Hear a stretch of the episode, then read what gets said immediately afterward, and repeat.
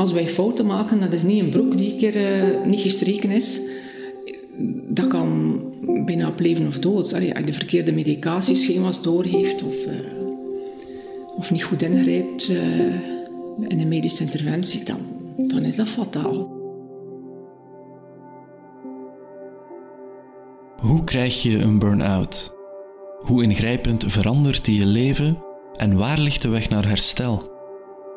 Onderzoekers van de UGent peilden in samenwerking met de Morgen naar de ervaring van meer dan duizend burn-out patiënten.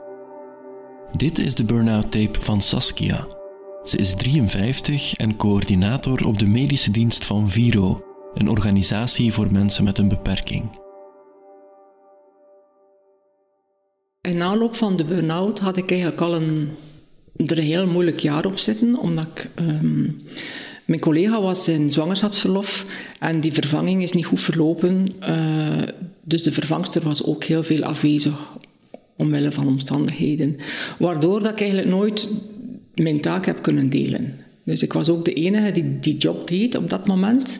En um, uh, alles zat ook in mijn hoofd. Dus is niet van heel veel info zat in mijn hoofd. En ik had een hele grote verantwoordelijkheid dat ik niet los kon laten. En in de, die periode zijn we ook gefusioneerd, onze voorziening, met die andere voorzieningen. Waardoor dat eigenlijk um, de druk werd opgevoerd dat er gewoon meer werk was.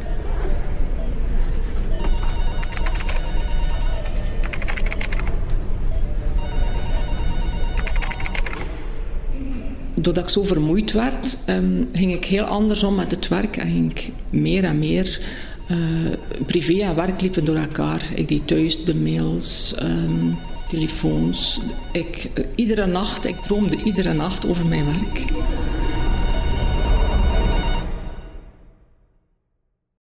Ik was dat al gewoon. Er waren altijd situaties in mijn dromen die ik herbeleefde of uh, nieuwe situaties. Meestal liep dat niet goed af.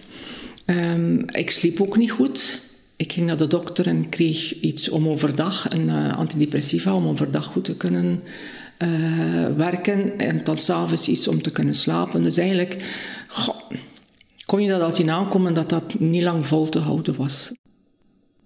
Maar toen op een bepaald, moment was het echt niet het moment om ziek te vallen of om uh, uit te vallen, maar was het echt op. En dacht ik van nu moet ik echt ingrijpen of dat laten weten hiervan. Kijk, help mij, want ik kan het niet meer. Ik had ook het gevoel van, ik, um, ik kan mijn job niet meer. Ik ben eigenlijk uh, daar niet goed genoeg voor. Uh, iedereen denkt dat, maar ik ben dat eigenlijk niet. Ik liep ook rond omdat ik van mijn eigen vond van, je moet het kunnen, je moet dat kunnen liep ik rond als Angela Merkel, zo van, weer schaffen dat. En ik gaf ook die indruk aan iedereen, want mijn directeur viel achterover toen ik zei, het gaat niet meer.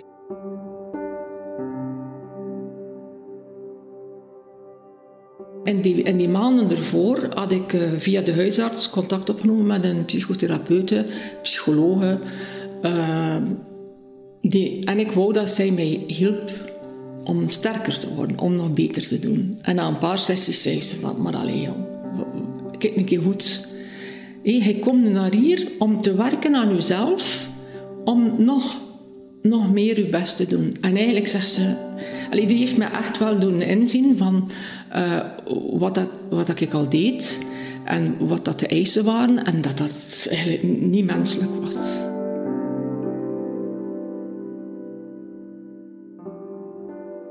Dat moment kregen we een nieuwe zorgdirectrice. En dat was ook een psycholoog van opleiding. En een, een Nederlandse dame die ook in Nederland gewerkt had. En daar kijken ze er ook wel anders. Gaan ze andersom met werkdruk en zo. Um, en aan haar heb ik dat durven zeggen. Ik zei van kijk, ik had dat niet voorbereid. Ik had een overleg met haar. Dat overleg was gedaan. En ik zei, heb je nog vijf minuutjes? En ze zei ja. En ik zei, kijk, het gaat niet meer. Dus ik had niet, niet gedacht van, ik ga die dag zeggen. Maar toen was het een moment van, ja, nu moet dat hier stoppen. Ik, ik kan niet meer.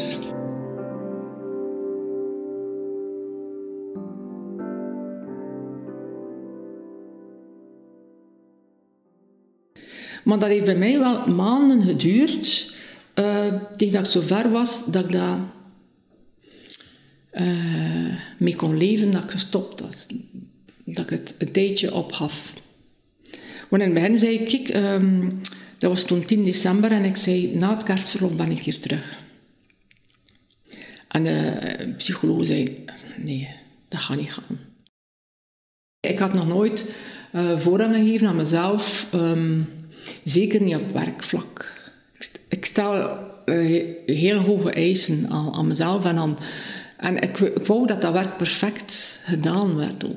Als wij fouten maken, dat is niet een broek die een keer uh, niet gestreken is. Dat kan bijna op leven of dood. Als je de verkeerde medicatieschema's doorgeeft of, uh, of niet goed ingrijpt uh, in een medische interventie, dan, dan is dat fataal soms. We zijn opgevoed van Hans ze niet neuten, niet, niet pluien.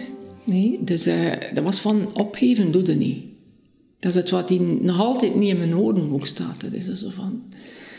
Ik kan ook zo naar andere mensen vinden van... Oh, allee, allee jong, steek een keer het tandje bij en stop met zalen. Ja, ik, bedoel, ik denk dat ik zeg dat niet.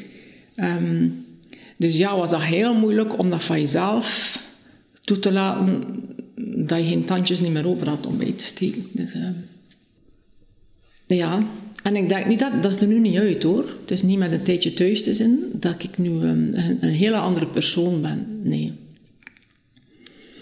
Want ik denk dat ik heel goed ga moeten opletten dat ik niet opnieuw in hetzelfde verval.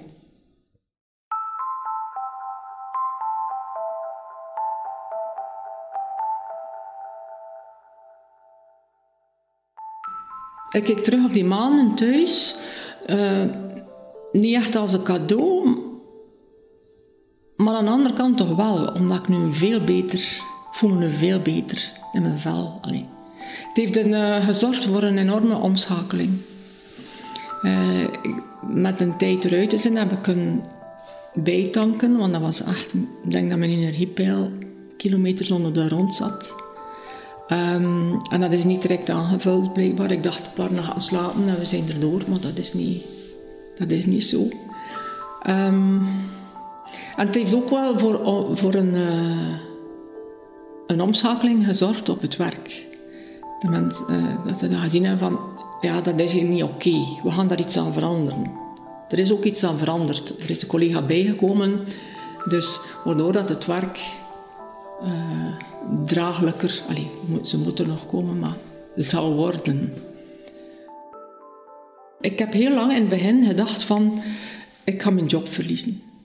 Dat was niet, dat was niet mijn werkgever die mij dat gevoel gaf, in tegendeel.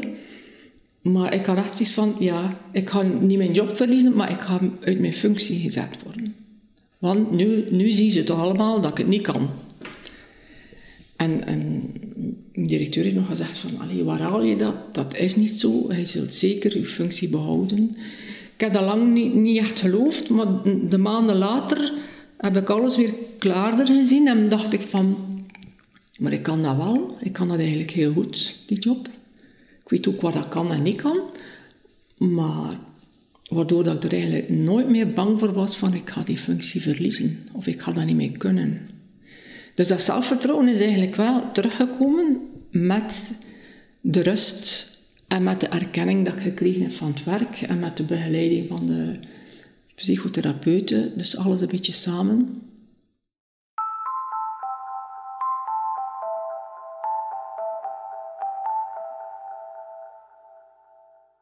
Ik ben nog altijd Saskia en ik ben nog altijd even gedreven en enthousiast en ik doe mijn werk nog heel graag. Dat is niet verminderd, in tegendeel. Maar ik heb ook de ervaring gehad van uh, het kan ook zonder mij. Ik ga minder dwangmatig mijn mails lezen s'avonds. Of uh, ik ga meer die grenzen bewaken van... Uh, en ik hoop dat dat lukt, want nu werk ik nog halftijds. Ik begin half augustus fulltime te werken. Ik hoop dat dat dan ook nog lukt. Dus in die, in die zin ben ik wel veranderd. Want mijn kinderen en mijn man zeggen dat ook, dat ik een heel andere persoon ben vanaf dat ik thuis ben. Ik, ik was doodmoe, maar ik kon morgens weer opstaan. En dat was van zeven uur s morgen, dat was van, dat een opgedraaide bobijn. En dat was, ik werd niet moe op mijn werk. Ik kon gaan tot, ja, totdat eigenlijk dat ik naar huis kon. Maar toen kwam ik thuis en was dat een wrak, was dat op. En nu heb ik dat niet meer. Nu kan ik nog thuis komen en nog een keer aan fietsen bijvoorbeeld. Of uh, ben ik ook rustiger. En ik hoop dat te behouden, dat is de bedoeling natuurlijk.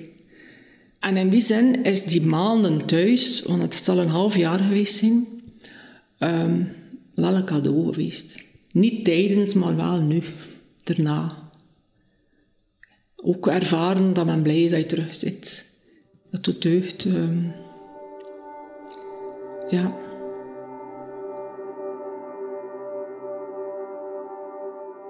De Burnout Tapes is een podcast van De Morgen. Interviews door Fernand van Damme, montage door Dries Vermeulen, met eindredactie door Sam Vijs.